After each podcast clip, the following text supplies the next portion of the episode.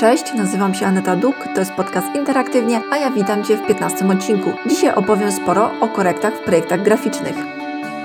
Jest to bardzo ważny temat dla Ciebie jako zamawiającego, bo na pewno zależy Ci na tym, aby projekt, który zamawiasz, był naprawdę dobry. A często tak zwane uwagi klienta doprowadzają do tego, że projekt wygląda jak Frankenstein, a projektant nie bardzo się do niego przyznaje. Jest nawet takie popularne powiedzonko wśród projektantów: grafik płakał jak projektował. Receptą na to, aby do tego nie dopuścić, jest pozostawienie projektowania projektantowi. W jaki sposób zgłaszać uwagi, aby faktycznie nie wyręczać grafika? Co jest korektą, a co jest już nową koncepcją? Czy ilość korekt może być ograniczona?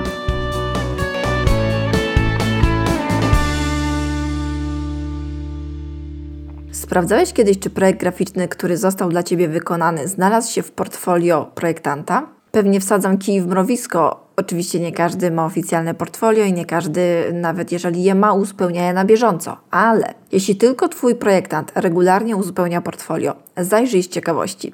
Jeśli tylko projekty wykonane dla Ciebie się tam znajdują, to masz pierwsze punkty lansu, bo oznacza to, że Twojemu grafikowi podobają się projekty, które dla Ciebie wykonał. Więcej uważa je za na tyle dobre, że chce się nimi lansować i pozyskiwać w ten sposób nowych klientów. A to jest bardzo ważne, aby projektant uznał, że projekt zrobiony dla Ciebie jest dobry, ponieważ skoro przejrzałeś wcześniej jego portfolio i zdecydowałeś się na współpracę z nim, dlatego że projekty, które on przedstawia w tym portfolio, podobają Ci się, natomiast Twoje projekty w tym portfolio nie lądują, no to chyba coś jest nie tak. W końcu on jest tutaj ekspertem, więc żeby w pełni skorzystać z jego usług, warto mieć to uznanie. No i mogłoby się wydawać, no ale jak to? To projektant może zrobić projekt, który uważa za, hmm, rzecz ujmując, kaszanę?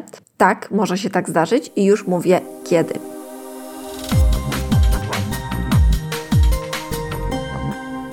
Pomijam sytuację, gdy projektant ma wewnętrzny konflikt i nie podobają mu się jego własne projekty. Najchętniej wszystkie wrzuciłby w koszt i oglądał y, smutne filmy z pudełkiem czekoladek. Skupiamy się na projektancie, który robi dużo fajnych projektów, jest świadomy swoich umiejętności i często jest zadowolony ze swojej pracy. I taki projektant dostaje zlecenie, wkłada swoje serce, duszę, wyrysowuje dzieło swojego życia, po czym przychodzi klient i mówi: Dobra, dobra, naprawdę dobre, tylko tak. Logo większe, hasło większe i y, kolor proszę zmienić na różowy. Tutaj zmieniłbym y, czcionkę, nie ma Pan czegoś z większym efektem wow i zamiast tego zdjęcia proszę wstawić to, co przysłałem właśnie w mailu i tak dalej, i tak dalej. Cóż może zrobić w takiej sytuacji projektant? No może powiedzieć, y, że jednak odradza takie zmiany, bo to, bo tamto, ale gdy jego argumentacja nie trafia do klienta, może pojechać po bandzie i zerwać współpracę oczywiście, ale wówczas traci pieniądze, traci swój czas y, poświęcony na dotychczasową pracę i na koniec może zostać mu jeszcze przypięta metka stającego koniem do klienta. Zatem bardzo często z bólem, pamiętasz, płakał jak projektował. Wprowadza korekty klienta, potem ma trzy noce pod rząd koszmary i ma nadzieję, że następnym razem będzie lepiej.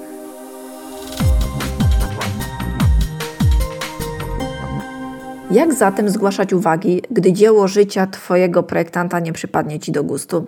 Bo przecież w końcu może tak być. W końcu projektowanie graficzne to bardzo subiektywna dziedzina. Do tego może nie być efektu marketingowego, który chcesz uzyskać. No po pierwsze mówisz, co Ci się nie podoba, ale nie wskazujesz konkretnych rozwiązań. Rozwiązanie to już jest praca projektanta. Nie podajesz konkretnych kolorów, gdy zaproponowana kolorystyka Ci nie leży. To znaczy, możesz powiedzieć ogólnie, widziałbym cały projekt bardziej w błękitach albo w pastelowych kolorach i tak dalej, ale na przykład nie mówisz, ten napis ma mieć taki kolor, nie pokazujesz po prostu palcem, tak, to w takim kolorze, to w takim i tak dalej. Po drugie, nie wskazuj rozmiarów, proporcji i tak dalej. To znowu jest praca dla projektanta.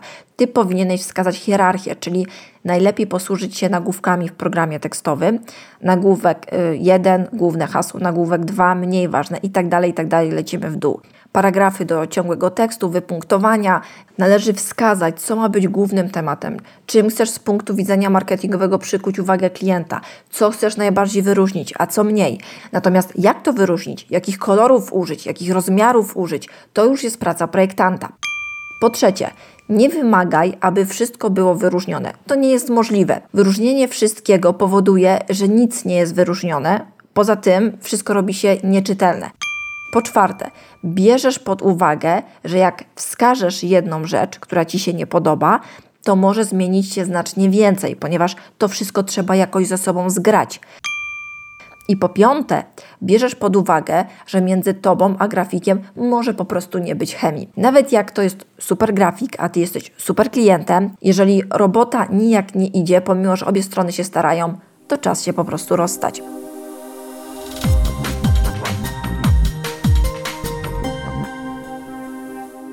I teraz tak, ile ma być korekt? Liczba korekt do projektu to jest kolejny sporny temat. Możesz mi wierzyć albo nie, ale ograniczenie liczby tur korekt wpływa korzystnie na szybką i sprawną realizację projektu. I wcale to nie oznacza, że projekt nie będzie spełniał Twoich wymagań. Ograniczamy oczywiście tury korekt, a nie konkretną liczbę korekt, bo tego nie da się tak przewidzieć.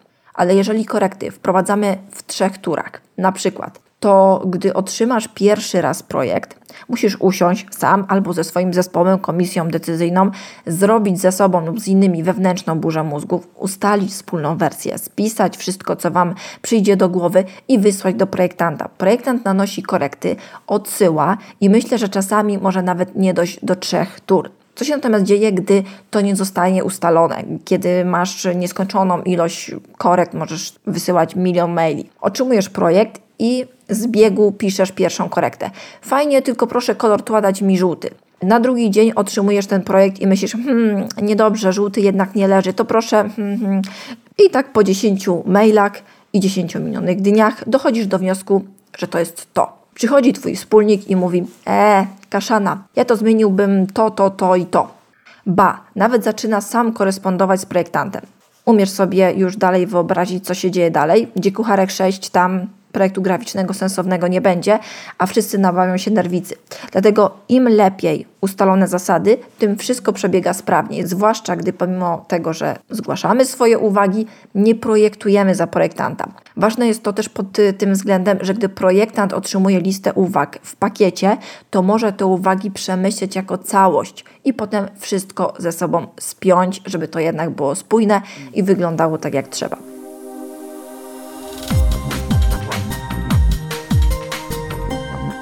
Kolejny temat.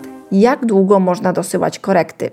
To też jest kwestia sporna. I to też powinno być ustalone przed rozpoczęciem współpracy i szanuj projektanta, który tego pilnuje i ty i projektant powinniście mieć ograniczony czas na reakcję. To jest y, taki kolejny bat, który motywuje, aby wszystko sprawnie załatwić. Na przykład trzy dni robocze na przesłanie uwag do przesłanego projektu i podobnie projektant też powinien mieć ograniczony czas na odniesienie się do tych uwag. To wszystko gwarantuje, że po dwóch miesiącach od rozpoczęcia pracy dalej nie będziecie wisieć nad tym samym projektem. Wówczas z góry wiadomo, kiedy projekt musi się zakończyć. Wyklucza to też taką absurdalną sytuację, kiedy na przykład projektant mówi, że no, zaprojektowanie powiedzmy strony internetowej zajmie nam miesiąc. Nie? I wtedy klient mówi, ale miesiąc przecież to jest strasznie długo. Natomiast jeżeli się okazuje, że on mówi tak, za 4 dni otrzyma Pan pierwszą koncepcję, albo na przykład za 7 dni, następnie będzie Pan miał 3 dni na przesłanie mi uwag, potem ja mam 3 dni robocze na odesłanie i tak i tak do trzech tur, no to wtedy już łatwo sobie policzyć, że potrzebujemy na umowie na przykład e, spisać 25 dni. I wtedy wszystko jest jasne i wydaje Ci się wtedy klarowne, dlaczego musi być na umowie 25 dni i jednocześnie jest oczywistym, że może to wszystko się zakończyć szybciej.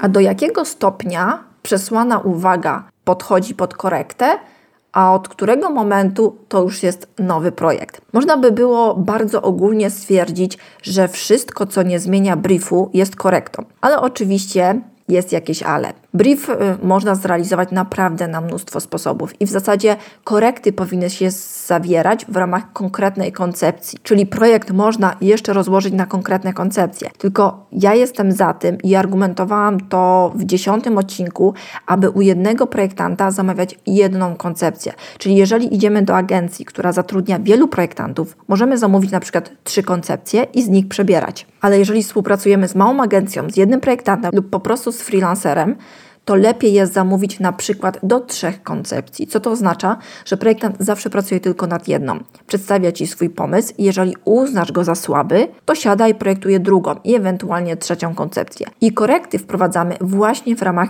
danej koncepcji. Pierwszym znakiem, że potrzebujemy nowy, nowej koncepcji, a nie korekt, jest fakt, że nie podoba nam się styl, w jaki został wykonany projekt. Nie próbujemy wówczas tego stylu zmieniać, na przykład samym fontem. Jeżeli projekt bazuje na jakimś zdjęciu czy ilustracji, również wymiana tego elementu może całkowicie zmienić ten projekt, dlatego to też jest czas na zmianę koncepcji.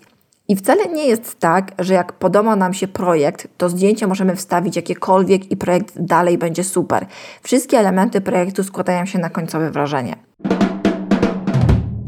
No to finish, mamy to 10 spornych tematów na linii grafik klient. Mam nadzieję, już teraz nie będą spornymi tematami. Mam też nadzieję, że te tematy ułatwią Ci współpracę z gatunkiem, jakim są projektanci graficzni, a i łatwiej będzie Ci znaleźć tego odpowiedniego dla siebie. Jeżeli słuchali mnie jacyś projektanci graficzni, to mam nadzieję, że to też Wam ułatwi współpracę z klientami. Wszystkie notatki do tego odcinka znajdziesz oczywiście na blogu pod adresem onetaduk.com ukośnik p ukośnik 15 jak 15 odcinek tego podcastu, a ja już teraz się z Tobą żegnam i do usłyszenia w następnym odcinku.